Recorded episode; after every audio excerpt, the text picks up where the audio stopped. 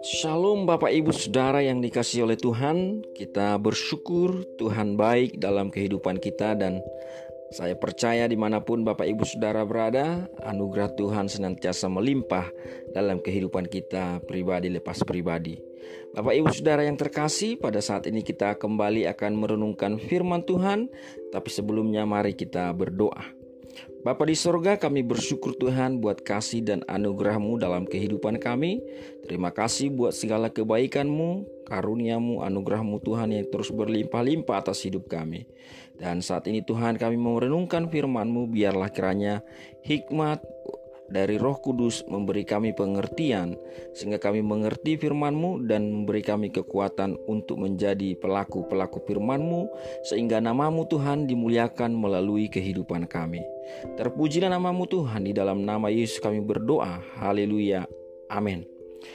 Bapak Ibu Saudara yang terkasih pada saat ini kita akan merenungkan firman Tuhan yang diambil dari Kisah Para Rasul pasal 3 ayat yang pertama sampai ayatnya yang ke-26.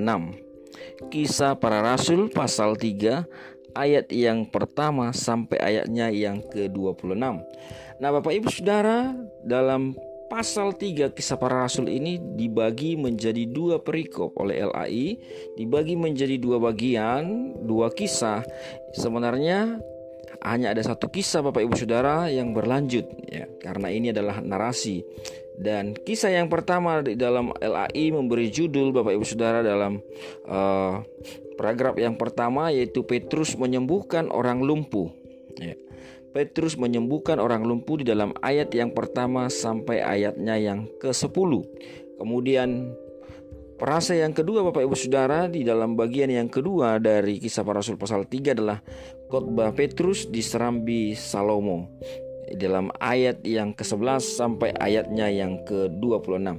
Nah, Bapak Ibu Saudara yang terkasih, saya tidak akan membaca seluruh kisah ini tetapi kita bisa akan melihat secara khusus hal yang akan kita pelajari Bapak Ibu Saudara dari bagian ini. Di dalam pasal 1 di dalam pasal 3 ini Bapak Ibu Saudara ayat 1 sampai ayatnya yang ke-10 itu berbicara mengenai Petrus menyembuhkan orang lumpuh. Di dalam bagian ini Bapak Ibu Saudara bahwa ada di sana dikatakan seorang laki-laki yang lumpuh sejak lahir sehingga ia harus diusung. Jadi tiap-tiap hari orang itu diletakkan di dekat pintu gerbang bait Allah. Kemudian ia meminta minta sedekah di sana Bapak Ibu Saudara. Ada mungkin keluarganya, temannya yang mengantar ke sana dan kemudian dia minta-minta di sana karena biasanya orang mau pergi beribadah, biasanya dia akan lebih murah hati Bapak Ibu Saudara dan memberi. Nah, Bapak Ibu Saudara kemudian di pada saat itu Petrus dan Yohanes itu lewat dari sana mau ke bait Allah. Kemudian orang lumpuh ini meminta sedekah.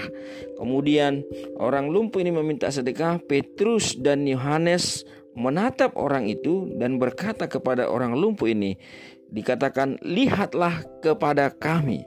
Bapak Ibu Saudara yang terkasih, perlu kita melihat kepada Tuhan, melihat kepada hamba-hamba Tuhan, fokus kepada Tuhan karena pertolongan datang daripada Tuhan. Petrus dan Yohanes mereka pergi ke bait Allah untuk berdoa, untuk sembahyang Bapak Ibu Saudara, untuk beribadah. Dan kemudian ada orang lumpuh di sana. Petrus berkata, lihatlah kepada kami.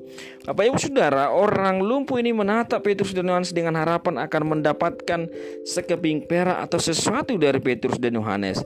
Tetapi Petrus berkata, emas dan perak tidak ada padaku.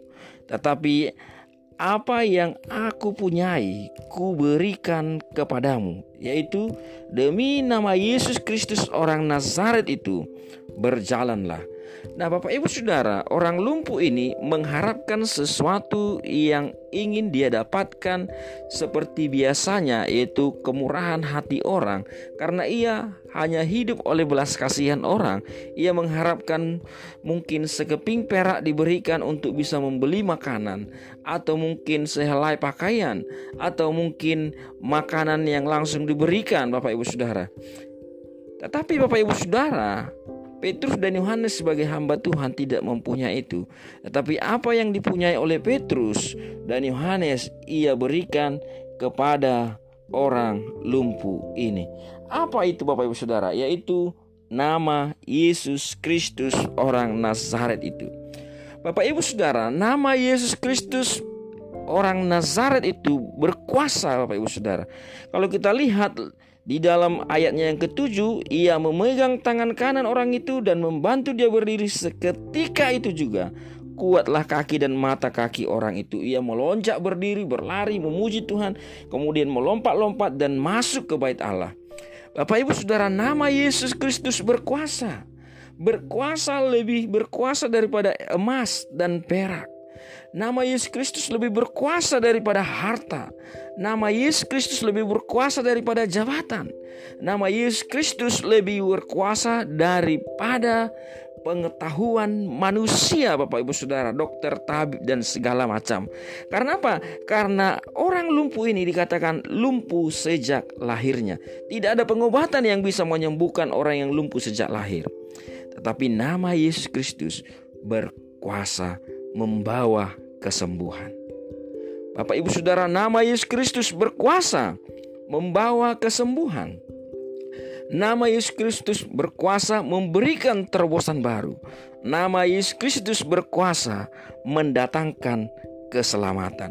Bapak Ibu Saudara yang terkasih, orang lumpuh ini sudah begitu lama lumpuh di sana. Tetapi ketika Petrus memberikan nama Yesus kepada orang lumpuh itu, orang lumpuh itu disembuhkan Bapak Ibu Saudara. Orang lumpuh itu tidak hanya mendapatkan Bapak Ibu Saudara keselamat kesembuhan, tetapi juga dia mendapatkan keselamatan. Selama berpuluh-puluh tahun mungkin Bapak Ibu Saudara dia ada di dalam depan bait Allah itu. Dia ada di depan bait Allah untuk meminta-minta. Tetapi ketika dia menerima nama Yesus, dia bukan hanya sembuh Bapak Ibu Saudara dari secara fisik Tetapi juga dia sembuh secara rohani Selama ini dia hanya melihat dari luar apa yang orang lakukan di dalam bait Allah dan mungkin dia tidak tahu apa yang dilakukan orang di bait Allah. Tetapi kemudian ketika dia disembuhkan, dia masuk ke bait Allah Bapak Ibu Saudara. Dia menerima keselamatan kekal. Dia menerima kehidupan kekal yaitu nama Yesus Kristus, Bapak Ibu Saudara. Nama Yesus berkuasa, nama Yesus membawa kesembuhan, nama Yesus mendatangkan keselamatan. Dan di dalam bagian perikop yang kedua Bapak Ibu Saudara, ayat 11 sampai 26, tepatnya di dalam ayatnya yang ke-16 dikatakan bahwa di dalam ayat 16 dikatakan bahwa dan karena kepercayaan dalam nama Yesus maka nama itu telah menguatkan orang yang kamu lihat dan kamu kenal ini. Bapak Ibu Saudara, kepercayaan di dalam nama Yesus akan memberi kita kekuatan di saat kita lemah, di saat kita buntu jalan, di saat kita bingung, di saat kita sedang tidak jelas arah tujuan. Nama Yesus akan memberi kita kekuatan di saat situasi pergumulan keadaan tidak seperti yang diharapkan. Nama Yesus akan memberi kita harapan, Bapak Ibu Saudara. Bapak Ibu Saudara, kemudian dilanjutkan di dalam ayat 16 itu dan kepercayaan itu telah memberi kesembuhan kepada orang ini di depan kamu semua. Nama Yesus memberi kesembuhan. Barang siapa percaya di dalam nama Yesus, ia akan memperoleh kesembuhan, memperoleh keselamatan, dan ia akan memperoleh kehidupan yang kekal, Bapak Ibu Saudara. Oleh karena itu, Bapak Ibu Saudara, di mana pun kita berada, apa pun yang sedang kita gumuli saat ini, apa pun yang sedang kita harapkan saat ini, apa pun yang sedang kita bangun saat ini, apa pun Bapak Ibu Saudara yang sedang kita cari saat ini, mari kita dasari, mari kita mulai hidup kita di dalam nama Yesus Kristus Bapak Ibu Saudara. Oleh karena itulah di dalam ayat 19 di dalam khotbah Petrus ini Bapak Ibu Saudara, dia mengatakan karena itu sadarlah dan bertobatlah supaya dosamu dihapuskan. Apa yang menjadi bagian kita Bapak Ibu Saudara? mari kita sadar dan kesadaran itu kiranya membawa pertobatan, membawa perubahan hidup, membawa perubahan pikiran, membawa perubahan tingkah laku, membawa perubahan kepada kehidupan kita sehari-harinya Bapak Ibu Saudara. Bapak Ibu Saudara, ketika kita selama hidup kita mungkin ada yang kita mengandalkan kekuatan kita, mengandalkan harta kita, mengandalkan orang tua kita, mengandalkan orang-orang di sekeliling kita, mengandalkan jabatan kita, mengandalkan Bapak Ibu Saudara orang-orang yang mungkin kita layak kita andalkan. Tapi percayalah, nama Yesus Kristus lebih berkuasa dari semuanya. Jika engkau sedang sakit saat ini, mari undang Yesus hadir bagimu. Mari panggil nama Yesus, hanya nama Yesus yang memberi kesembuhan secara penuh. Jika engkau sedang kekurangan saat ini, mari senantiasa panggil nama Yesus. Panggil nama Yesus. Jika engkau saat ini juga sedang berbeban berat, panggil nama Yesus. Jika engkau sedang ada di persimpangan, panggil nama Yesus. Karena nama Yesus berkuasa membawa kesembuhan, mendatangkan keselamatan, memberi kita kekuatan, dan membatangkan kehidupan kekal bagi kita.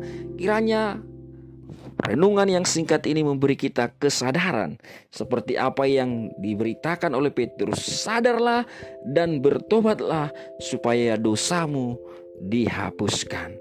Inilah sesuatu hal yang paling paling berbahagia Bapak Ibu Saudara ketika kesalahan-kesalahan kita tidak diperhitungkan lagi. Bapak Ibu Saudara yang terkasih, hal yang pertama yang kita belajar dari sini adalah ingatlah selalu nama Yesus. Apa pun masalahmu, apa pun situasimu, apa pun keadaanmu, panggil nama Yesus. Percayalah kepada Yesus. Yang kedua, Bapak Ibu Saudara, mari jika engkau sudah menerima Yesus Kristus sebagai Tuhan dan Juru Selamatmu, mari Bapak Ibu Saudara memberitakan nama Yesus itu. Mari kita memanggil nama Yesus untuk orang-orang di sekitar kita. Mari kita memberikan nama Yesus untuk keluarga kita. Mari kita memberikan nama Yesus untuk tetangga kita. Mari kita memberikan nama Yesus untuk orang-orang di tempat kita bekerja. Mari kita memberikan nama Yesus seperti Petrus memberikan nama Yesus kepada orang lumpuh ini. Kepada orang-orang di sekitar kita, kepada di mana pun dunia kita berada Bapak Ibu Saudara. Ke mana pun kita pergi, di mana pun kita berdiri Mari kita memberikan nama Yesus kepada mereka Supaya mereka dipulihkan dari kehidupannya. Mari kita beritakan nama Yesus Nama Yesus Nama Yesus Kristus orang Nazaret itu. Yesus Kristus Tuhan kita Terpujilah nama Tuhan. Kiranya renungan yang singkat ini boleh memberkati kita semua dan saya percaya ketika engkau, ketika Bapak Ibu terus memanggil nama Yesus pagi, siang dan malam, terus dengan setia, saya percaya perubahan akan terjadi, kesembuhan akan terjadi, pemulihan akan terjadi, terobosan baru akan terjadi dan Tuhan akan dimuliakan melalui kehidupan kita. Terpujilah nama Tuhan. Mari kita berdoa. Bapa di surga, Bapa yang kami sembah di dalam nama Yesus. Hamba berdoa Tuhan buat seluruh umatmu yang mendengarkan renungan ini di mana pun berada. Biarlah nama Yesus Biarlah nama Yesus Kristus menjamah seluruh mereka yang sakit Tuhan sembuhkan, yang lemah Tuhan kuatkan, yang kekurangan Tuhan cukupkan. Dan Tuhan kami berdoa di dalam nama Yesus ada terobosan-terobosan baru. Berkat Tuhan melimpah dan nama Tuhan dimuliakan senantiasa. Berkati firman-Mu ya Tuhan dan berkati setiap kami yang mendengarkan. Di dalam nama Yesus Kristus, segala kemuliaan hanya bagimu. Amin. Salam Bapak Ibu Saudara, Tuhan Yesus memberkati kita semua.